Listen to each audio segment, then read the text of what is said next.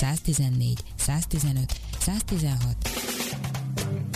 117 perc.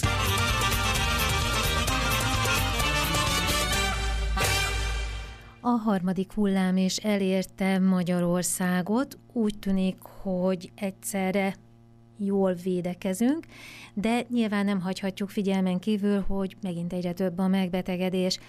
Jó lenne tudni, hogy milyen tapasztalatok vannak máshol a járvány kezelésében, így aztán Oravec Márkal, hagyományos kínai orvossal mai adásunkban arról fogunk beszélgetni, hogy a kínai gyógyászat az mit tud a járványokról, és milyen tapasztalatai vannak a járványkezelésben. Szeretettel köszöntöm.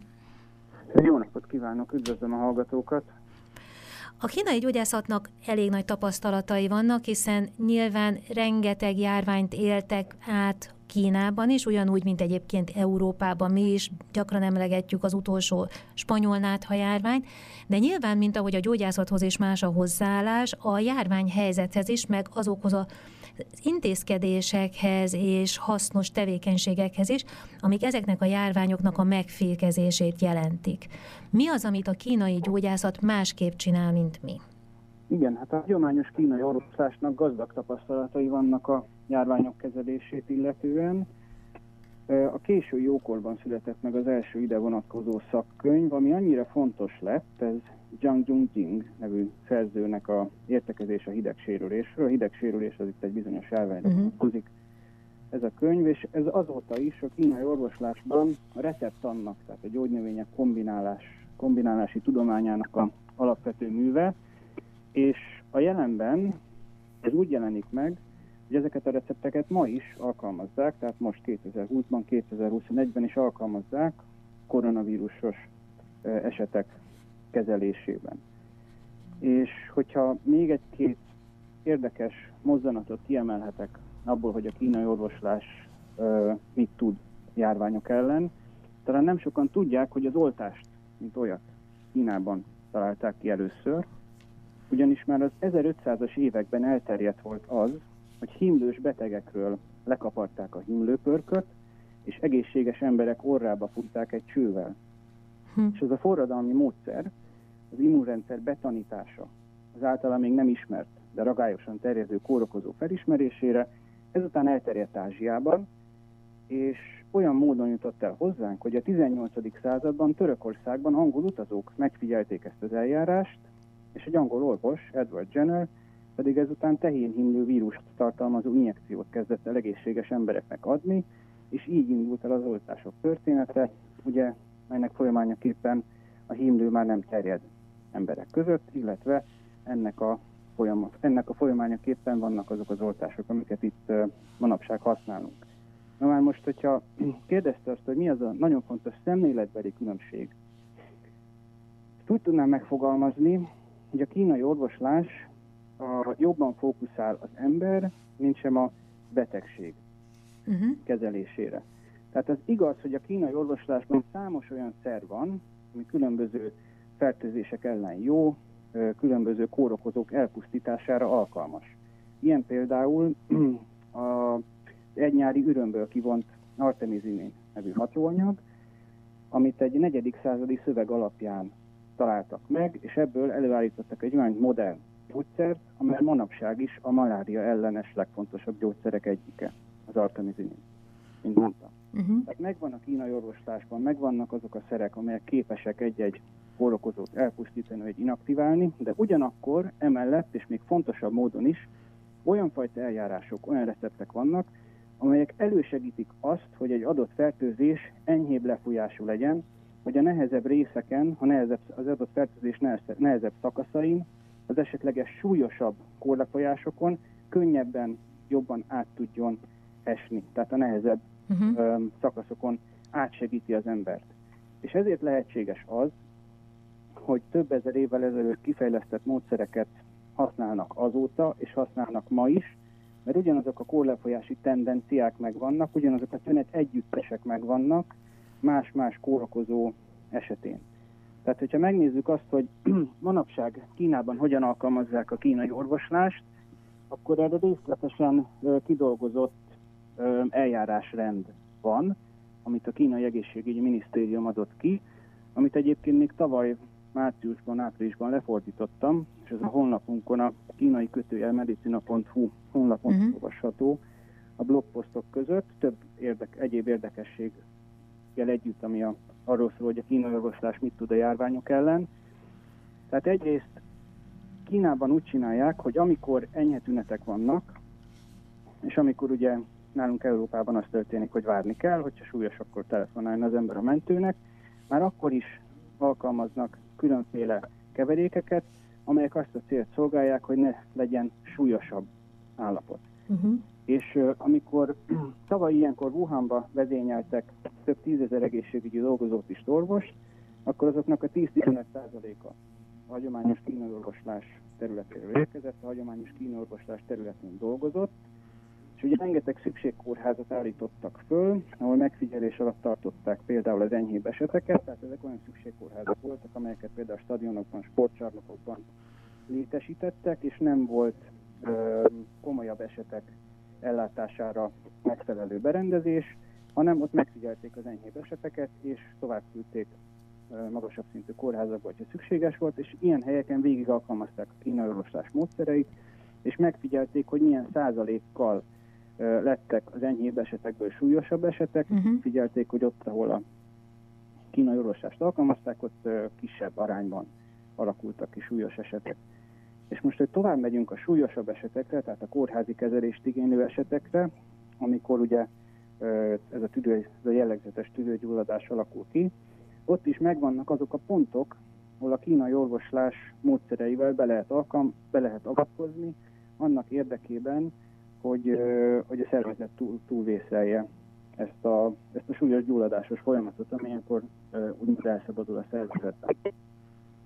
Hát a kínai orvoslás értéke az ebben rejlik, hogy van egy új kórokozó, nagyon sokáig tart azt megfelelően kiismerni, sokáig tart úgymond az ellene való fegyvert kifejleszteni, de addig, amíg ez megtörténik, és Kínában ezt így csinálják, a kínai orvoslás bevett módszereit lehet alkalmazni arra, hogy a kórlefolyás ne legyen olyan súlyos, vagy ha súlyos, akkor az jobb eséllyel túlélhető legyen.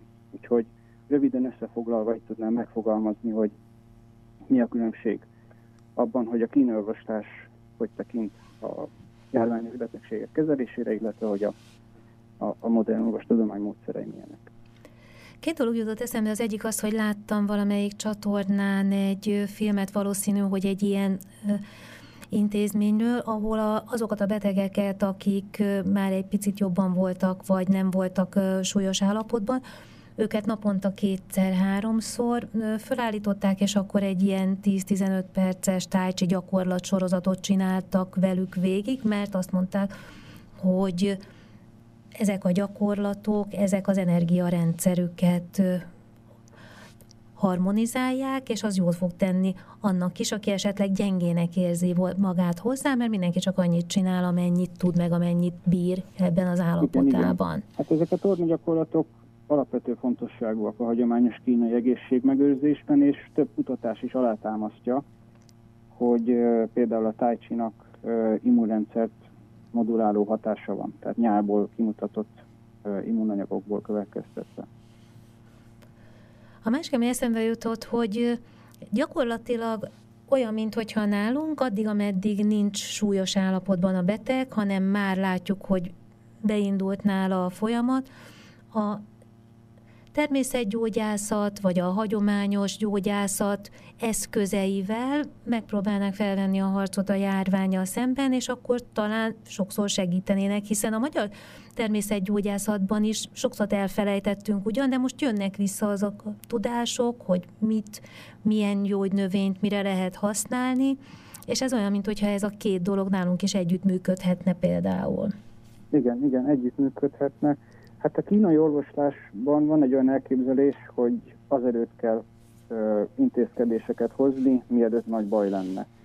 De a Sárga Császár könyve úgy fogalmaz, hogyha akkor kezdünk el, kezdünk el kezelni, amikor már súlyos tünetek uh-huh. vannak, az olyan, mintha akkor kezdenénk el fegyvereket kovácsolni, amikor már kitört a háború, vagy mintha akkor kezdenénk el kutatásni, amikor megszomjaztunk. Hát nem késő. Uh-huh. Tehát ezért a kínai orvoslásban kimondottan hangsúlyos a prevenció olyan értelemben, hogy egyrészt egészséges életmóddal el kell kerülni a megbetegedés, másrészt pedig, hogyha már betegség van, akkor ugye korán kell beavatkozni, még mielőtt súlyosabb lesz. Tehát hogy pont ezért van az, hogy, hogy a hagyományos kínai orvoslás ellátásán belül nem igazán lehet olyat hallani, hogy jöjjön vissza, hogyha komoly baja van. Uh-huh. Amit azért, azért sokan hallunk itt van az ellátásban, hanem a kínai orvoslás szerint lehetőleg akkor kell már elkezdeni beavatkozni, akkor kell kezelni, akkor kell megelőző intézkedéseket foganatosítani, amikor már a nagyon enyhe kis jelei látszanak a, a bajnak. És ezért van kiemelt jelentősége annak például Kínában, hogy amikor már az enyhe lefolyásra való tünet, enyhe, enyhe lefolyásra utaló tünetek megjelennek, uh-huh. például köhögés, felső légúti tünetek, akkor nem az az elképzelés, hogy meg kell várni ugye a súlyosabb nehéz légzést és hasonló tüneteket, hanem már akkor rögtön alkalmazni kell az ismert és bevált módszereket. De egyébként a kínai orvoslásnak ezért is van ugye a 20. században is óriási létjogosultsága Kínában, mert gondoljunk csak bele, amikor a, az 50-es években egy ö, hosszasan elhúzódó világháború, ami tovább tartott ott, mint Európában, illetve egy nagy polgárháború után szinte teljesen le volt amortizálódva az ország, akkor azok a módszerek, amire számíthattak, az olyan ö, súlyos járványok közepette, uh-huh. amelyek háború és szegénységgel sajnos járnak, akkor a kínai orvoslás hagyományos módszereit tudták csak bevetni, mert azok az adott ö, növények, azok sokkal jobban elérhetőek voltak, mint a, mint a fejlettebb gyógyszerek. Úgyhogy ez mondjuk egy nagy, tehát minden rosszban van jó is, ez ennek a jellegzetes történelmi momentumnak egy pozitív hozadék a Kínában, hogy ott nagyon nagy mértékben rá voltak utalva a kínai orvoslásra, és ennek is köszönhető az, hogy most is olyan jelentős mértékben jelen van az ottani ellátórendszerben. Meg hát egészen más a szemlélet is, ahogy mondta, mert nem csak az orvostudományban, nyilván elméletileg mindannyian azt gondoljuk, hogy a prevenció nagyon fontos, meg az orvosok is, de a gyakorlatban, a fejünkben, meg a szemléletünkben azért az van, hogy minden butasággal nem megyünk aprósággal orvoshoz, meg nem kell ezt felfújni, meg mindannyian addig dolgozunk, ameddig, ameddig le nem esünk a székről, tehát hogy nem csak a, az orvos tudomány szemlélete más, hanem a bennünk kialakult hozzáállás és a betegségekhez, hogy amikor már nagyon rosszul vagyok, na akkor tekintem magam betegnek, az első tünetek, meg amíg jól vagyok, addig, addig nem csinálunk semmit. Tehát, hogy a mi fejünkben is kellene egy kis átalakulás ahhoz, hogy ez tovább tudjon működni.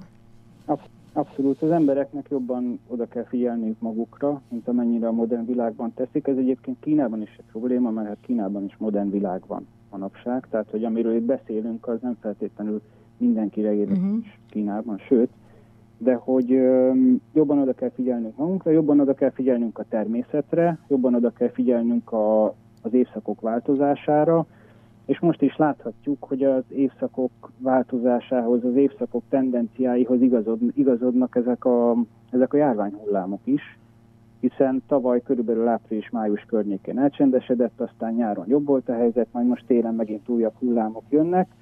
Ugye ezt a modern tudomány szemléletével magyarázhatjuk azzal, ugye, hogy télen kevesebb a napsütés, az immunrendszer kevésbé erős, kevesebbet mozognak az emberek.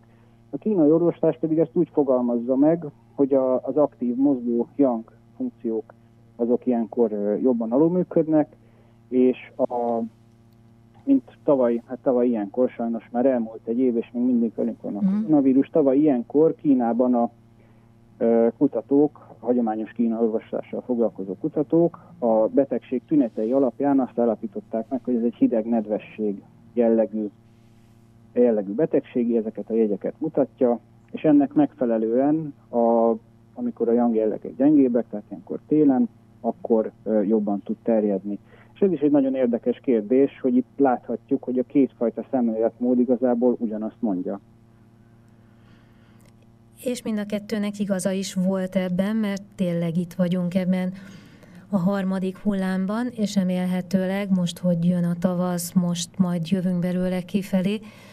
Igen, de addig is továbbra is az óvintézkedéseket be kell tartani, az elővigyázatosság az továbbra is fontos, tehát azt ajánlom mindenkinek, hogy még tartson ki egy kicsit. És hát minél többen beoltatják magukat, annál gyorsabban ki fogunk ebből kerülni.